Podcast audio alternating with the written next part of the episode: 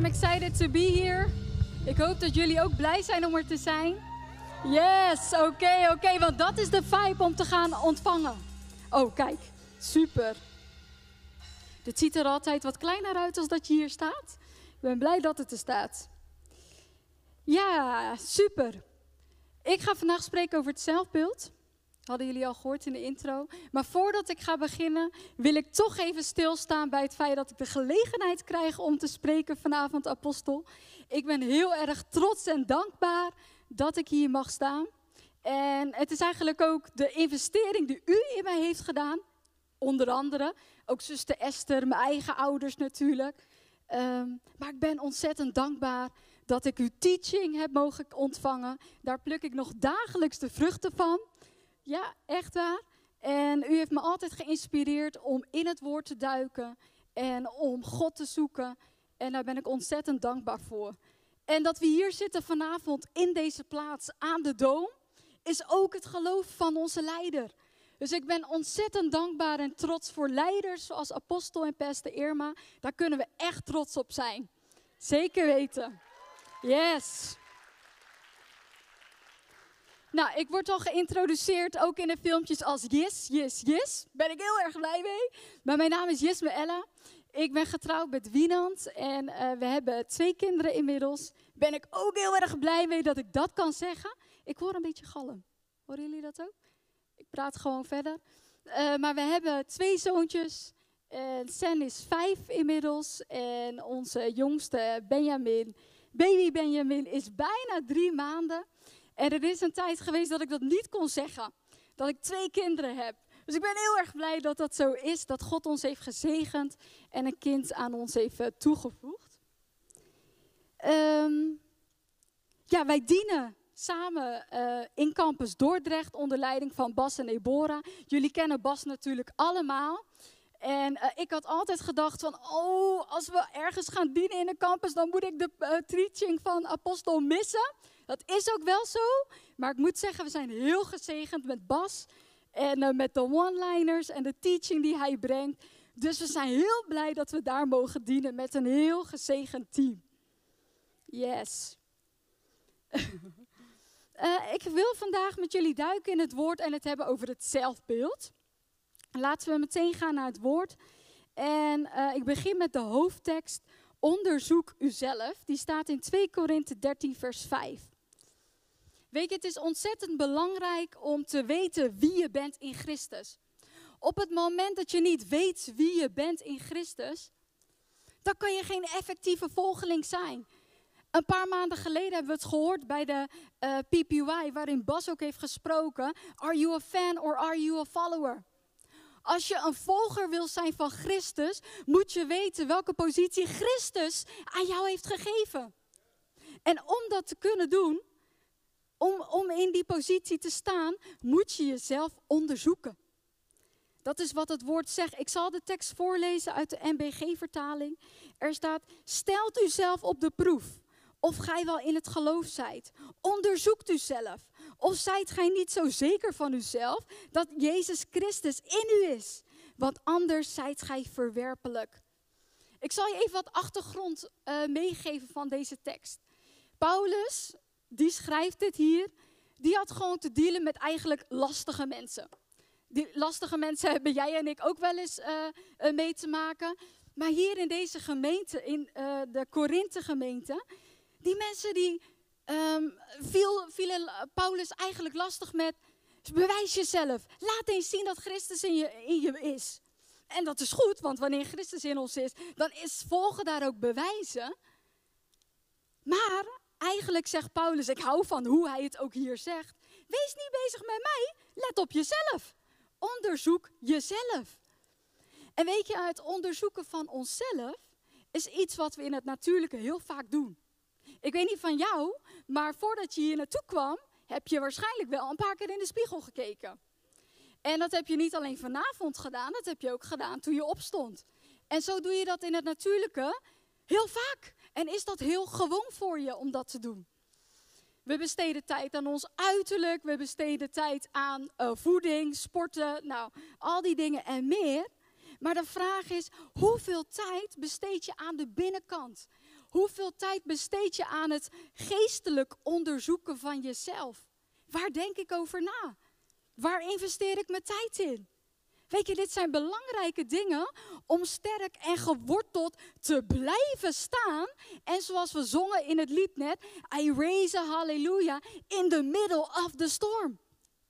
Want anders dan laat je die halleluja los hoor. Ja, want je gevoel, je gevoel is je gevoel. Op zondag is het makkelijk om halleluja te zingen. Maar in the middle of the storm halleluja zingen, dat is een ander verhaal. Dat doe je alleen als je weet, als je weet dat je weet en een ervaring hebt. Ja. Dus we moeten tijd besteden om onszelf te onderzoeken. Wat is je geestelijk voedsel? Tijdens de vrouwendienst, nou, de mannen waren hier natuurlijk niet. Wie was er wel bij de vrouwendienst trouwens? Ik ben even curious. Oké, oké, oké. Oké. Ilke P. heeft het toen gehad over the stories that you tell yourselves. De verhalen die je zelf vertelt. Ik ga even een korte recap doen voor de mannen die er niet bij waren. Jullie hebben een beetje gemist, maar ik hoop dat de vrouwen je hebben bijgepraat. Um, de verhalen die je zelf vertelt. We hebben allemaal een intern dialoog met onszelf. Of je wil of niet. Zelfs als je slaapt soms heb je een verhaal met jezelf. En um, we hebben zoveel gedachten, wel 40 tot 60.000 gedachten per dag zegt de wetenschap. En in die gedachten ben je eigenlijk continu aan het praten met jezelf. En de vraag is, zijn die gedachten die je hebt God gericht of ik gericht? Ik heb ontdekt dat wanneer ik mijn gedachten de vrije loop laat, is het ik gericht. Ik wil mijn vlees behagen. Ik wil dat, dat, het, dat het goed gaat met mij. Maar je bent niet altijd God gericht in je vlees. Maar jij en ik zijn geroepen om dat proces te sturen. Wij zijn niet overgeleverd aan ons brein en al onze gedachten. Je bent geen slachtoffer daarin. Nee, wij, jij en ik zijn geroepen om dat proces te sturen. En wanneer je nadenkt over waar je over nadenkt, kom je tot de ontdekking dat er vaak hele rampscenario's afspelen in je hoofd. Toch? Of ben ik de enige die die ervaring heeft? Nee, er spelen hele rampscenario's in, in je hoofd af. En dan moet je bewust zijn van die gedachten om het een halt toe te roepen, om een andere gedachte te gaan denken, in plaats van mee te gaan met die stroom van gedachten. Want als je dat de vrije loop laat, ga je ook de vruchten plukken van de gedachten die je hebt. Je brein gaat de weg van de minste weerstand. Ilke P. heeft heel mooi uitgelegd, die gedachten en die verhalen die je zelf vertelt, dat is, uh, wordt gevormd door je cultuur, door je opvoeding, door de ervaringen in het verleden, pijn uit het verleden. En daardoor ga je door een bepaalde bril ervaringen zien en gedachten hebben. En om dus de gedachten van God te hebben, moet jij tijd doorbrengen in het woord van God. Uh, in de Bijbel staat er een tekst in Romeinen 12, vers 2. Wat wij moeten doen om krachtig te zijn in deze wereld. Er staat, en wordt niet gelijkvormig aan deze wereld, maar wordt hervormd door de vernieuwing, opdat gij moogt erkennen wat de wil van God is. Het goede, welgevallige en volkomene. En um, er is een andere tekst, die heb ik hier nu niet um, staan. En dat zegt, wees hervormd door de vernieuwing van je denken. Be transformed by the renewing of your mind. En dat is wat wij moeten doen. Op het moment dat je komt tot Christus, heb je een nieuwe status in feite. Je bent een hemelburger. Je bent een nieuwe schepping. Nou, als je langer dan drie maanden naar de teaching van Apostel luistert, dan weet je deze dingen ook. Maar op het moment um, dat je dus die nieuwe schepping bent, heb je nog steeds wel een oud denken. En dat is wat belangrijk is om dat proces te gaan vernieuwen. En dat is aan jou en aan mij. Die taak ligt bij ons. Die taak ligt bij ons. Dus je bent een nieuwe schepping, maar je hebt een oud denken. En samen met de Heilige Geest werk je dat proces uit. En dat moet je eigenlijk dagelijks doen. continu moet je bewust zijn met waar denk ik over na. Denk na over waar je over nadenkt. Want alleen op die manier kun je constant in contact zijn en gelijk bijsturen. Gelijk bijsturen. Laat het niet een heel proces zijn gang gaan. En dan later, wanneer je in de put zit, je bent een beetje depressief, dan, oh, oh ik zoek gebed, ik zoek gebed. Jij kan dat proces sturen. En we weten allemaal dat het uitspreken van Gods woord belangrijk is. Alleen ik ga je iets vertellen vanavond. Het uitspreken van Gods woord alleen is niet voldoende. Weet je, het is geen toverspreuk. Het is geen toverspreuk. Wij moeten geloven wat we zeggen. En dat is ook onderzoek jezelf. Zeg jij het omdat je in de cultuur zit? Hè? We zitten hier samen in de kerk. We weten eigenlijk allemaal wat we horen te zeggen. Maar geloof je ook echt wat je zegt? In, het, um, in de psychologie is, is die hier een term voor. Um, wanneer jij iets zegt zonder dit te geloven, is er sprake van cognitieve dissonantie. Nou, de term kun je vergeten, maar wat wel heel mooi is om te zien, en dat heeft onderzoek uitgewezen, is wanneer je iets zegt, maar het niet gelooft, dan is dat werkelijk waar te zien in je brein. Je brein is eigenlijk, je hersenen zijn eigenlijk een, een leugendetectorsysteem. Echt waar. Ja, op het moment dat je een gedachte hebt, een gedachte gaat niet zomaar, is niet niks, maar dat is echt te lokaliseren in je brein.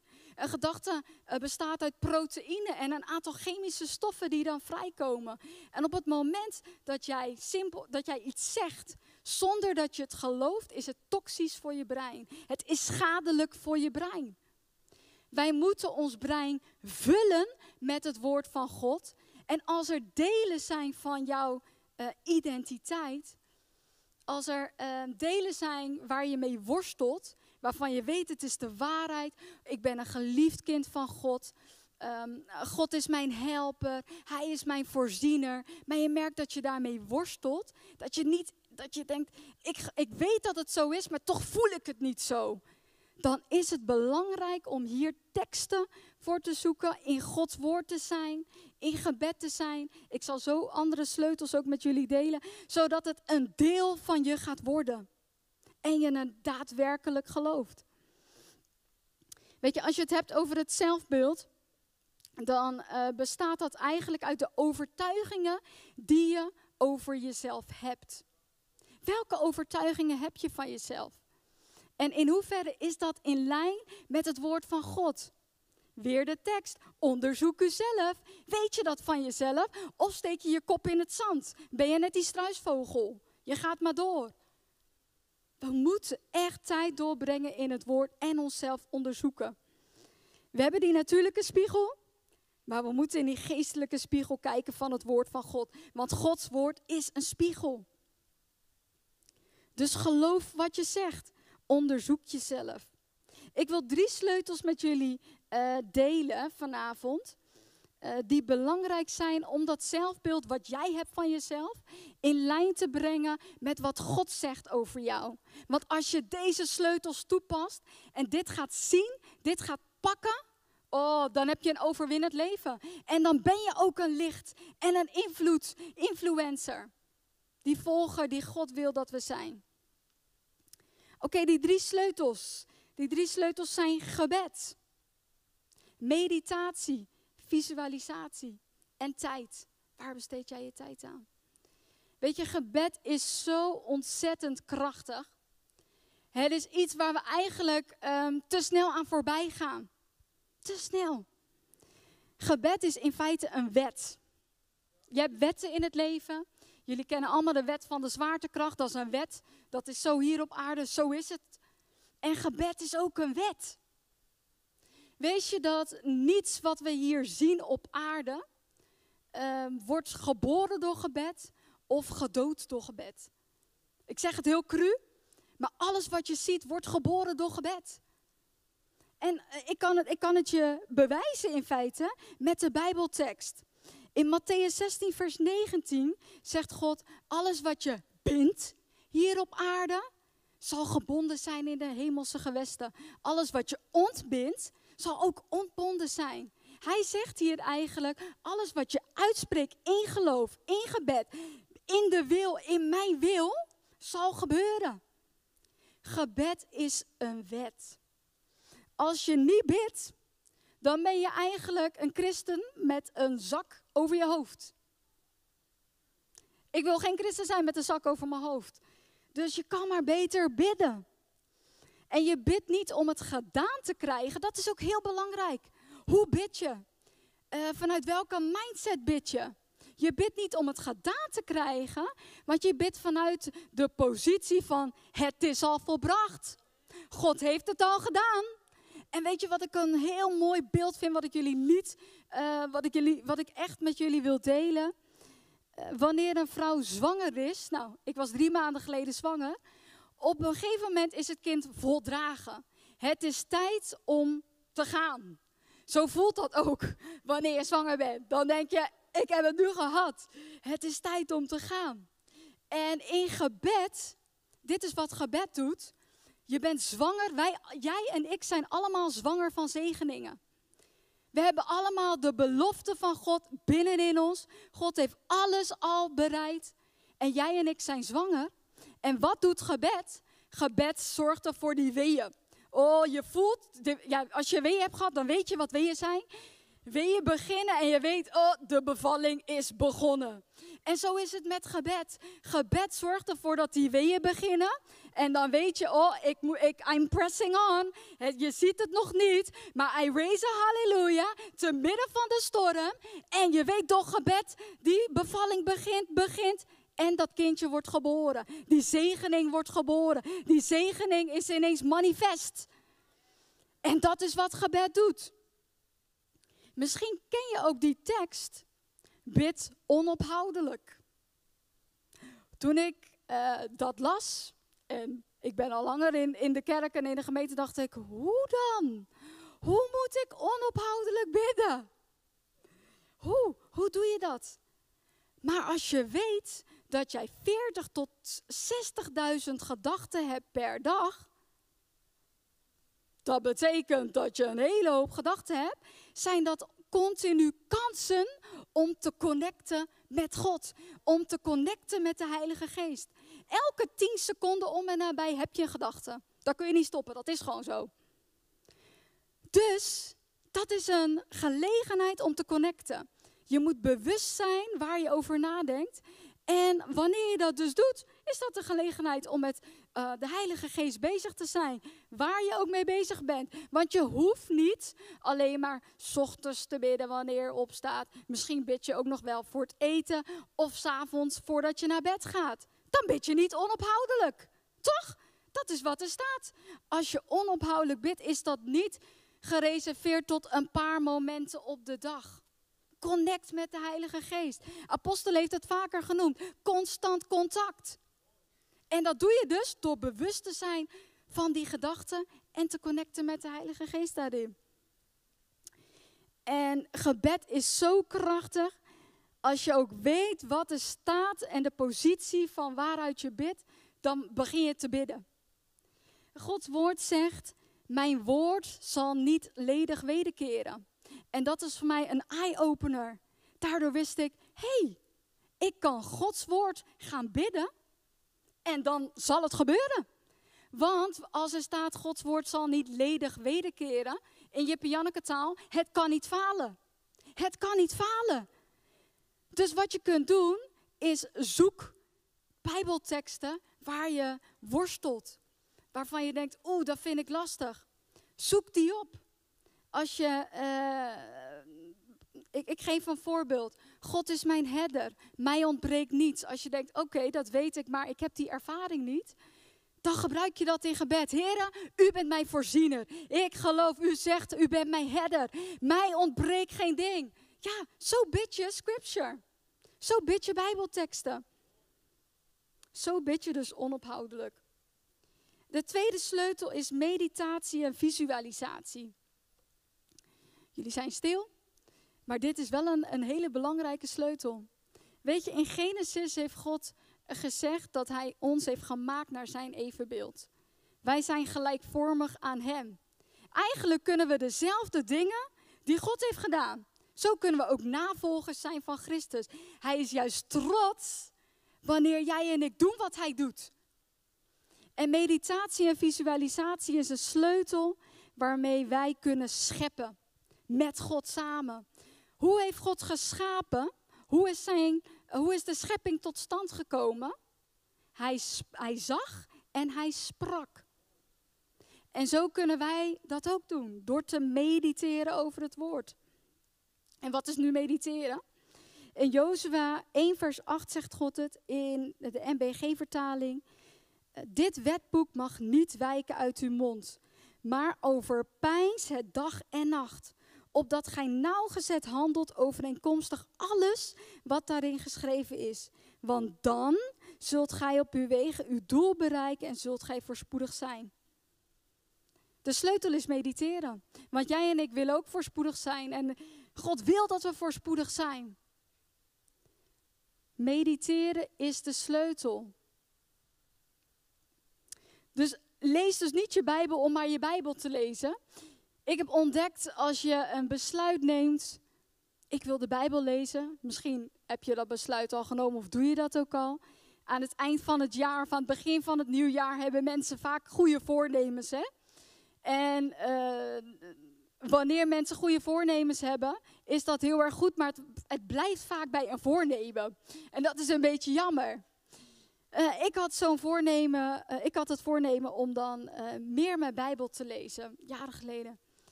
En nou, ik dacht, oké, dat ga ik dus doen. Oh yes, dank u Heer. Ik ga de Bijbel meer lezen. En door de drukte van de dag, want je werkt, je hebt je kinderen, nou, je hebt je gezin en uh, je huishouden, noem maar op, dacht ik, oh, aan het eind van de dag, ik heb mijn Bijbel niet gelezen. Oh, oké, ik ga mijn Bijbel lezen. Net voordat ik naar bed ging. Nou, je snapt wat er gebeurt dan. Op het moment dat je je Bijbel gaat lezen voordat je naar bed gaat. Misschien lukt het jullie wel, maar ik vond het moeilijk.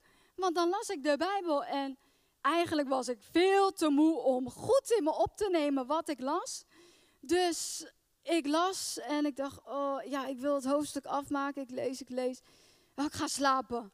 En de volgende ochtend dacht ik, heb ik de Bijbel gelezen? Welk hoofdstuk heb ik ook alweer gelezen? Weet je, dat, drong niet tot me door. Dus je moet een goed moment kiezen en een, uh, het tot een gewoonte maken om de Bijbel te lezen, waarin je ook echt het woord van God goed tot je laat doordringen. En hoe doe je dat dan? Ik heb ontdekt, en eh, dat werkt heel goed voor mij. Soms is het niet een hele, hele hoofdstukken, maar één tekst. Ik neem één tekst en de hele dag blijf ik daarover nadenken. De hele dag. Er is een tekst in Efeze waar ik nu over mediteer. Door, zijn, door de eenheid met Christus zijn wij zijn eigendom geworden. Oh, ik blijf erover nadenken. Oh, ik ben Gods eigendom. Wat betekent dat nu? Heer, Heilige Geest, openbaar mij, wat betekent dat? Oh, wauw, dat betekent dat niks kan binnendringen. Er kan geen dief, er kan niemand anders binnendringen. Want ik ben zijn eigendom. Ik ben Gods huis. Weet je, je krijgt nieuwe inzichten. En Heilige Geest openbaart dat tot je. Er komt licht over de tekst. En je blijft daarover nadenken. Visualisatie is een andere sleutel. Wij hebben een geest waarin je uh, dingen kunt verbeelden. En dat klinkt misschien ingewikkelder dan dat het is, maar dat doen, uh, dat doen we heel natuurlijk. Wanneer je gaat trouwen bijvoorbeeld, oh je denkt na over oh, hoe zou de dag zijn? Hoe ziet hij of zij eruit? Oh je droomt helemaal weg, je zwijmelt helemaal weg. Je ziet alle details al voor je. Wie zou er zijn? Oh hoe blij zal ik zijn? Weet je, je, hebt, je visualiseert, je hebt die dag, ga je je verbeelden. En nou, dit is één voorbeeld die ik je geef. Maar zo kunnen wij door visualisatie Gods woord rijk maken en echt maken. Zodat het uh, niet alleen kennis is wat je tot je neemt, maar dat het een nieuwe realiteit is. Dat dat de realiteit is van waaruit jij leeft.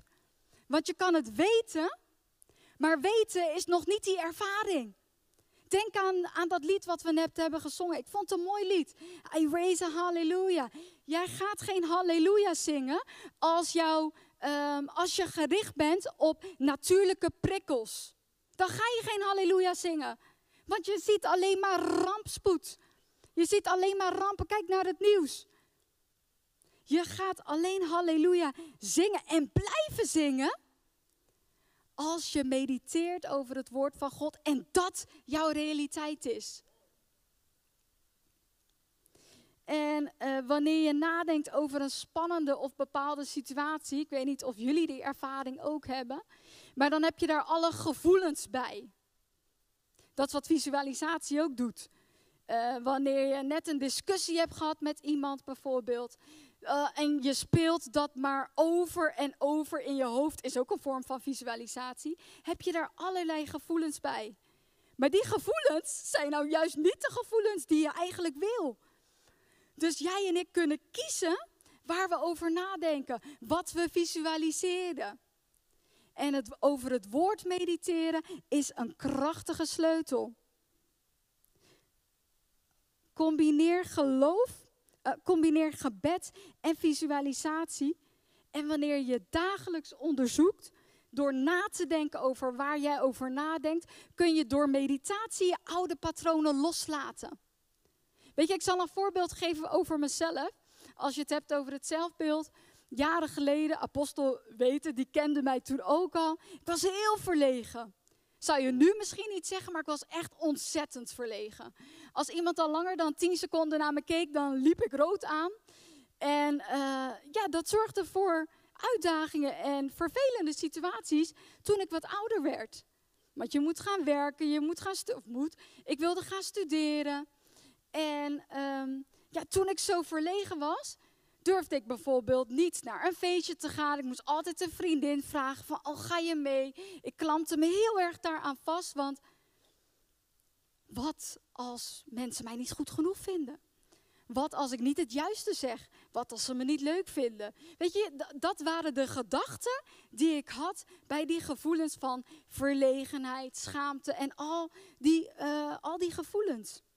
Ik ging nadenken over wat denk ik in zo'n situatie wanneer ik me verlegen voel? Oké, dan voel ik me dus kennelijk niet goed genoeg. Dan voel ik me onzeker. Maar dat is niet wat God van mij vindt. Misschien herken je dat, of misschien heb je het wel op een ander uh, deel van je zelfbeeld. En ik wist, ik moet iets veranderen. En hoe heb ik dat gedaan? Ik ging mezelf visualiseren in de nieuwe ik. Hoe God wil dat ik ben. Ik heb je vrijgezet. Ik heb je gemaakt tot een zegen om bemoediging te spreken. En in visualisatie zag ik mezelf hoe ik wilde zijn. Ik zag mezelf uitstappen, met nieuwe mensen praten, nieuwe mensen ontmoeten, daarop afstappen. Eigenlijk ben ik het in mijn geest gaan oefenen. Dat is wat visualisatie is. En dat betekent nog niet dat wanneer de gelegenheid zich voordoet, dat het makkelijk is. Maar ik zou zeggen, wees als Nike. Just do it. Gewoon doen. Gewoon doen. Je moet uitstappen. Ook hierin. Ik heb het gevisualiseerd, maar toen ben ik het ook gaan doen. En het is lastig, maar aldoende leer je. Praktijk maakt rijk. Dat zegt u wel eens vaker. Praktijk maakt rijk. En onderzoek dus ook voor jezelf. Kijk, ik had het op verlegenheid. Misschien heb jij het op een heel ander vlak. Onderzoek voor jezelf waar, of vraag aan de Heilige Geest. Heilige Geest, welk deel van mezelf, waar moet ik in veranderen? Help mij, openbaar mij. Zodat ik een krachtige navolger van u kan zijn. Zodat ik kan uitstappen. Kijk, op het moment dat jij en ik alleen bezig uh, zijn met onszelf, en je, je zelfbeeld, je voelt je zielig, uh, je bent verlegen. Uh, je, je, hebt niet die ervaring van Gods rijkdom, Gods voorziening of wat het dan ook maar is. Je bent met jezelf bezig. Dat weerhoudt je ervan, heb ik ontdekt, om uit te stappen. Want je bent met jezelf bezig. En dat is nou juist waar we van moeten wegstappen. Het gaat niet om jou en om mij, het gaat om Christus. Dus visualiseer.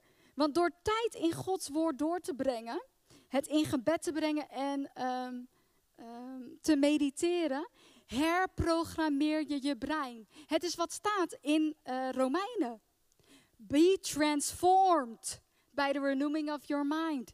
Dat is die transformatie Die transformatie vindt plaats wanneer jij en ik contact hebben met de Heilige Geest. Dagelijks mediteren. Het duurt uh, drie weken, laat onderzoek zien, voordat je een nieuwe memory hebt aangemaakt. Voordat je een nieuwe uh, ervaring deel van je hebt laten worden. Dus dat betekent ook dat je persistent moet zijn. Je moet volharden. Dit is niet een eendags ding wat je doet en daarna kun je ervan weglopen. Dit moet je dagelijks doen, blijven doen, blijven doen, blijven doen. En dan die drie weken, dan, dan is het een gewoonte geworden. En dan is het makkelijk. Maar je moet er doorheen gaan om het tot een gewoonte te maken en uh, dat deel van je te laten worden. Dan is de derde sleutel tijd. En dan ga ik je een vraag stellen waar je nu geen antwoord op hoeft te geven, maar dat is een hele belangrijke. Who is your master?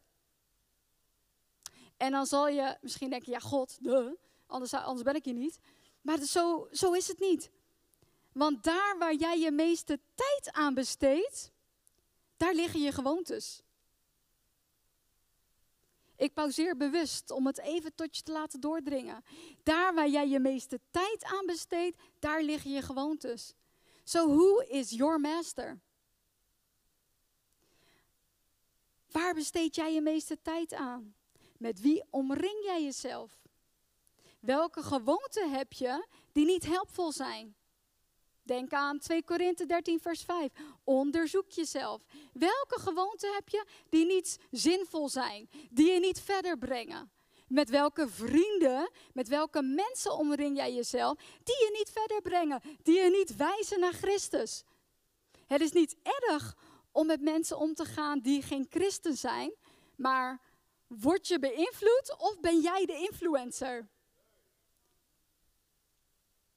Goeie om dat onder de loep te leggen. En wanneer je ontdekt dat je een gewoonte hebt die niet helpvol is, vervang het. Besteed die drie weken in Gods tegenwoordigheid om het te vervangen. Om een zinvolle verandering daaraan te brengen.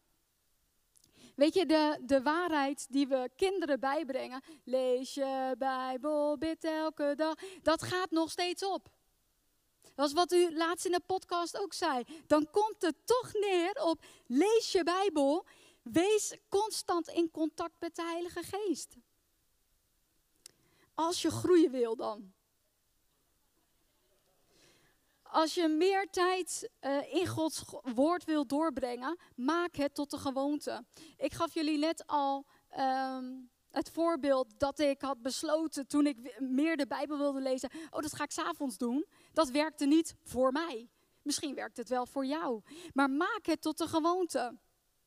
Toen ik ontdekte dat dat dus niet mijn tijdstip was om de Bijbel te lezen, heb ik dat vervangen naar een ander tijdstip.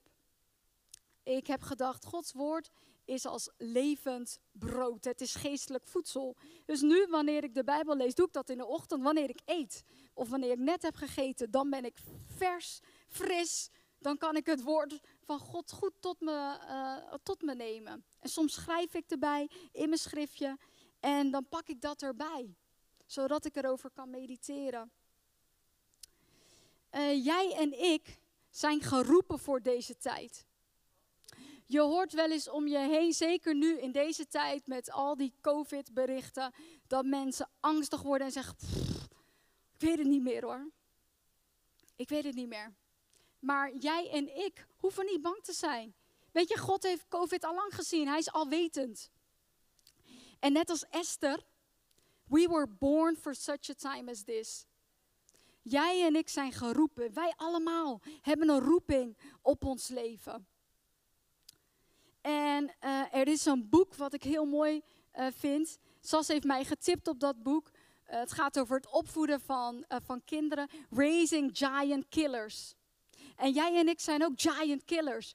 Als je gebed gebruikt, als je onophoudelijk bidt, tijd doorbrengt in het woord en in de tegenwoordigheid van God, word jij een giant killer. Denk even aan David, hè? We lezen er snel overheen over die geschiedenis. David die Goliath versloeg. Maar ga eens even na bij jezelf wat David moet hebben gedacht. Hij had geen laag zelfbeeld. Anders was hij niet, zou hij niet opstaan voor de gelegenheid, voor deze uitdaging van oké, ik ga. Niet omdat hij in zichzelf pochte, maar omdat hij wist de God die met mij is. En zo is dat ook voor ons. Het is niet ons zelfbeeld, een laag zelfbeeld loslaten, zodat we kunnen rondlopen van hé, hey, kijk eens hoe goed ik ben. Dat is het niet. Maar als we dat laag zelfbeeld laten voor wat het is en gaan staan in de positie die God je heeft gegeven, then you will arise to the challenge. Want jij en ik hebben ook Goliaths soms op onze weg. Je hebt je ook uitdagingen op je weg, of niet? We hebben allemaal uitdagingen op onze weg. En soms lijken het net Goliaths. Onverslaanbare grote reuzen. Maar met die slinger, met die slinger, wat is die slinger? Het woord van God. Het constante contact. Hé, hey, met die slinger zul je het doel bereiken. Gods woord kan niet ledig wederkeren. Gods woord kan niet falen. Gebruik het woord van God. Jij moet je slinger gebruiken. Soms zijn we te afwachtend, hè? We wachten totdat God een engel naar beneden stuurt. En ik bedoel, staat ook in de Bijbel dat hij zijn engelen stuurt om je te beschermen. Maar in this case, you have to arise to the challenge. Jij moet je slinger gebruiken. En als je dat niet doet, dan word jij geslingerd. Dus gebruik je slinger. Ehm, het volk van Mozes, hè, is nog zo'n nog zo'n uh, voorbeeld, heeft 40 jaar in de woestijn rondgezworven. En als ik het lees, dan denk ik niet, jongen, jong, wat een domme mensen. Dan denk ik, oeh, zou ik ook horen bij die club die rondzwerft? Hè? Zou ik ook horen bij die club? Die dan eerst klagen, klagen, klagen. Dan zijn ze eruit, uit de situatie. En dan klagen, klagen, klagen. Ja, laten we maar weer teruggaan naar die situatie. Laten we maar weer naar Farao gaan. Laten we maar weer slaaf worden. Dan denk ik, oeh, dan onderzoek ik mezelf. Bij welke club hoor ik? Is mijn mindset focused? Ben ik gefocust op het woord van God? Sta ik op de belofte of slinger ik hier en daar ook de bocht uit? Weet je, waarom hebben ze nou 40 jaar rondgezworven, terwijl het een veel kortere reis had kunnen zijn? Waarom? I'll tell you, poor mindset. Poor mindset. Want de ervaring van wonderen, want ze hebben grote wonderen gezien. Ze hebben grote wonderen gezien. En toch was er een oude mindset. Zo zie je hoe sterk een gewoonte kan zijn, hè? En wat ik al tegen je zei, wat ik jullie al vertelde over je brein. Je brein gaat de weg van de minste weerstand. Dus het zoekt naar bewijs in het natuurlijke. Um, sorry, het zoekt naar bewijs in het natuurlijke om jou te laten zien, zie je nou wel? Zie je nou wel? Een voorbeeld, je, je maakt een fout. Wat denk je dan? Dat is een mooie gelegenheid. Wat denk je wanneer je fout maakt? Je brein gaat vaak aan de haal met je. Zie je nou wel? Je maakt altijd die fout. Je let niet op. En dat is wat je ziet in, uh, bij het volk van Mozes. Poor mindset. Jij kan niet met je oude mindset, met je oude ik, met je vlees, het land van belofte ingaan. Dat gaat niet. Dat gaat niet. Je ziet ook dat alleen Jozua en Caleb het land zijn binnengegaan. En dat waren eigenlijk de mensen die anders dachten dan de rest. Laat mij maar gaan hoor, zei Caleb. Een oude man eigenlijk. Laat mij maar gaan hoor. Hij was niet bang. Dus jij en ik moeten, het is cruciaal dat we aan de slag gaan met onze mindset.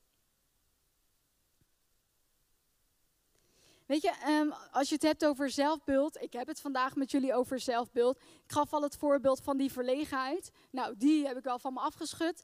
Maar zo blijf je eigenlijk continu, ehm, eh, blijf je onderzoeken van, hé, hey, waar, waar, waar moet ik bijschaven? Heilige Geest, help me, waar kan ik bijschaven? En God liet me zien, jij moet op de pauzeknop drukken. Degene die met mij dienen weet dat... Uh, dat, dat ik dat lastig vind. Ehm, eh, ja, ik, ik, ik ben heel enthousiast, maar soms reageer ik net iets te snel. En wanneer ik dan te snel reageer en achteraf nadenk over hm, wat gebeurde er nou eigenlijk, denk ik, oh El, had je beter anders kunnen doen. Dus de pauzeknop. En weet je wat grappig is?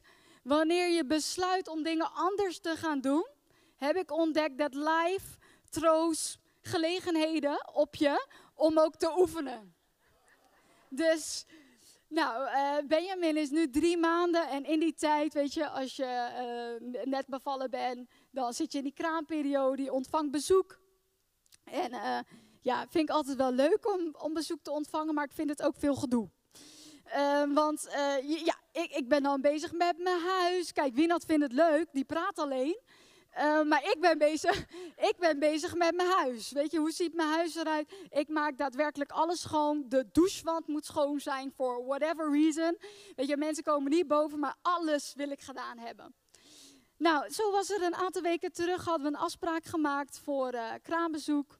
En vraag me niet waarom, maar we hadden afgesproken op zaterdagochtend 10 uur.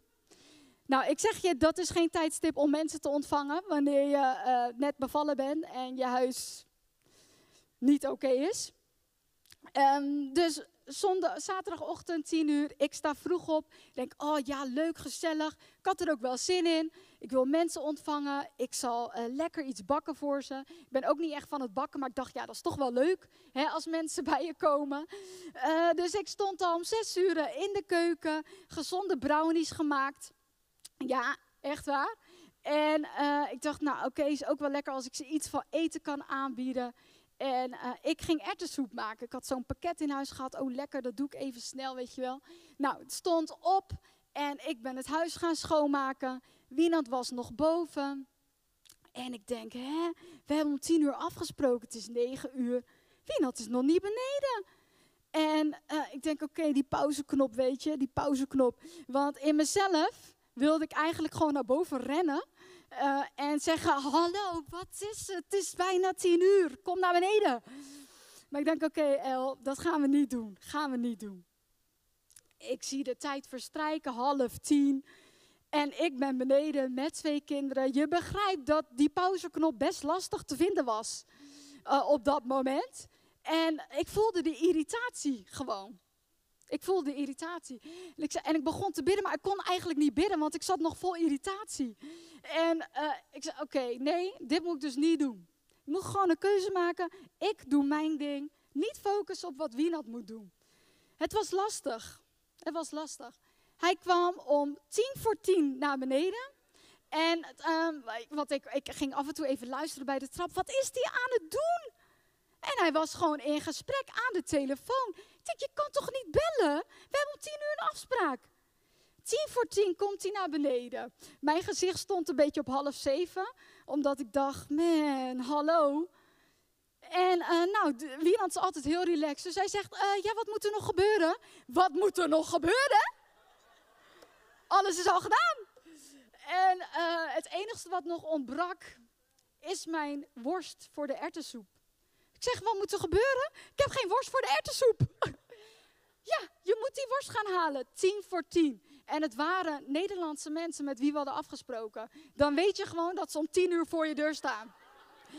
Want weet je, met Surinaamse, Antilliaanse mensen, oh, ik heb nog zeker een half uur. Maar hier, ik had tien minuten.